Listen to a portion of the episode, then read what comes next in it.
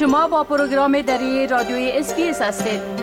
گزارشات عالی را در sbs.com.au دری پیدا کنید. حال با جاوید روستاپور خبرنگار برنامه دری رادیوی SBS برای جنوب آسیا. از طریق تلفن به تماس هستیم که اونا طبق معمول درباره تازه ترین رویدادها در ارتباط به افغانستان معلومات میتن آقای روستاپور سلام عرض می‌کنم. خب اولتر از همه گفته میشه که درگیری های بین جناهای مختلف طالب با در ولایت خوست صورت گرفته که در اثر زو پنج نفر هم گفته میشه که کشته شده. بله؟ با سلام وقت شما بخیر آقای شکر. بله منابع والی محلی از ولایت خوست به رسانه ها گفتن که به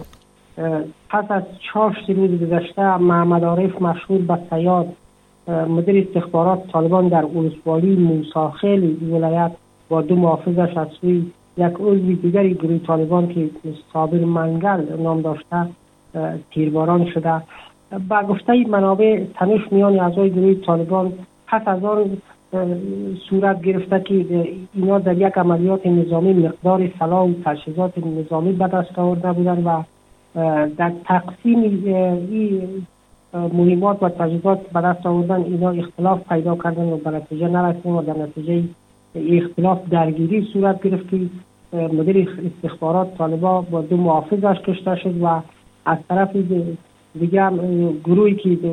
درگیری سه تن دو تن از اعضایشان از دست دادن و جان باختن و در درگیری به گفته منابع سه نفر از اعضای طالبا زخمی هم شدند گفتنی است که اختلاف میان گروهی میان طالبا در چندین ولایت هم پیش از این سبب و کشته شدن اعضای طالبان شده. در آخرین مورد چند روز پیش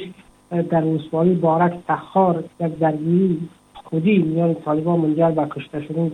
از اعضای ای گروه شد. بله. خب همچنان گفته شده که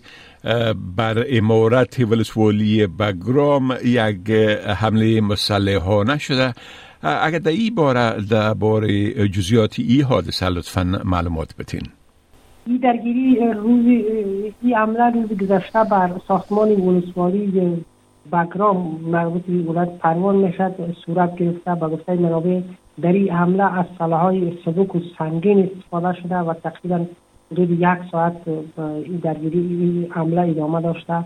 از طرفی هم جبهه آزادی افغانستان با نشر یک خبرنامه و نوار تصویری مسئولیت حمله را به عهده گرفته و ادعا کرده است که در پی این حمله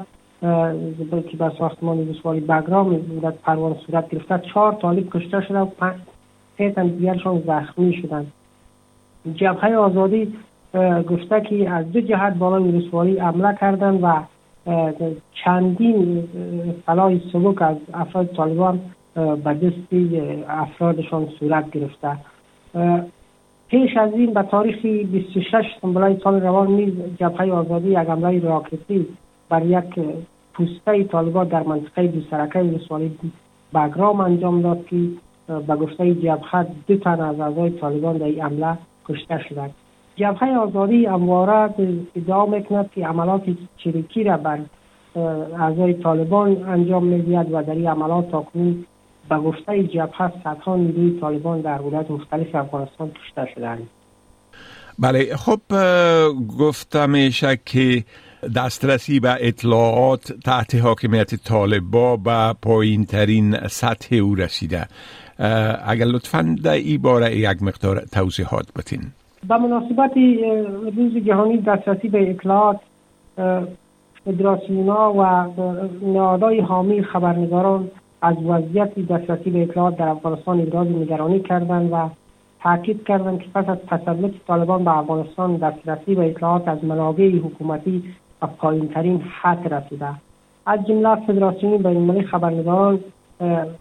اعلام کرده که عدم دسترسی به اطلاعات جامعه را در تاریکی قرار می‌دهد. این نهاد یک نظرسنجی را انجام داده که به این نظرسنجی 97 درصد از خبرنگاران گفتند که به اطلاعات به عنوان یک منبع دسترسی ندارند و به وجه از آدرس نهادهای حکومتی در افغانستان کمترین اطلاعات را اینا می‌تونن به دست و بیشتر اطلاعات هم که به دست از منابع حکومتی اینا را نمی‌تونن در خبر ذکر کنن یعنی به دردشان نمی‌خورد از سوی دیگر هم نیاز نئی حمایت کننده رسانه افغانستان اعلام کرده که مدیریت سیستماتیک بر دسترسی به اطلاعات در کشور آیده خبرنگاری را مبهم کرده و کار رسانه را به دشواری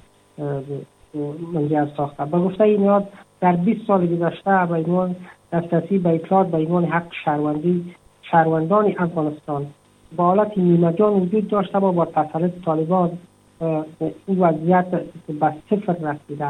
این در حالی است که بیشتر رسانه فعالیت خود متوقف کردند و به صدها خبرنگار پس از تسلط طالبان به افغانستان کشور را ترک کرد بله. خب بسیار تشکر آقای روستاپور از معلوماتتان و فعلا شما را به خدا می سپارم و روز خوش برتان آرزو می کنم روز شما هم خوش خدا حافظتان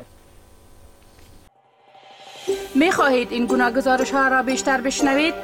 با این گزارشات از طریق Apple Podcast، Google Podcast، Spotify و یا هر جایی که پادکاستتان را می گیرید گوش دهید.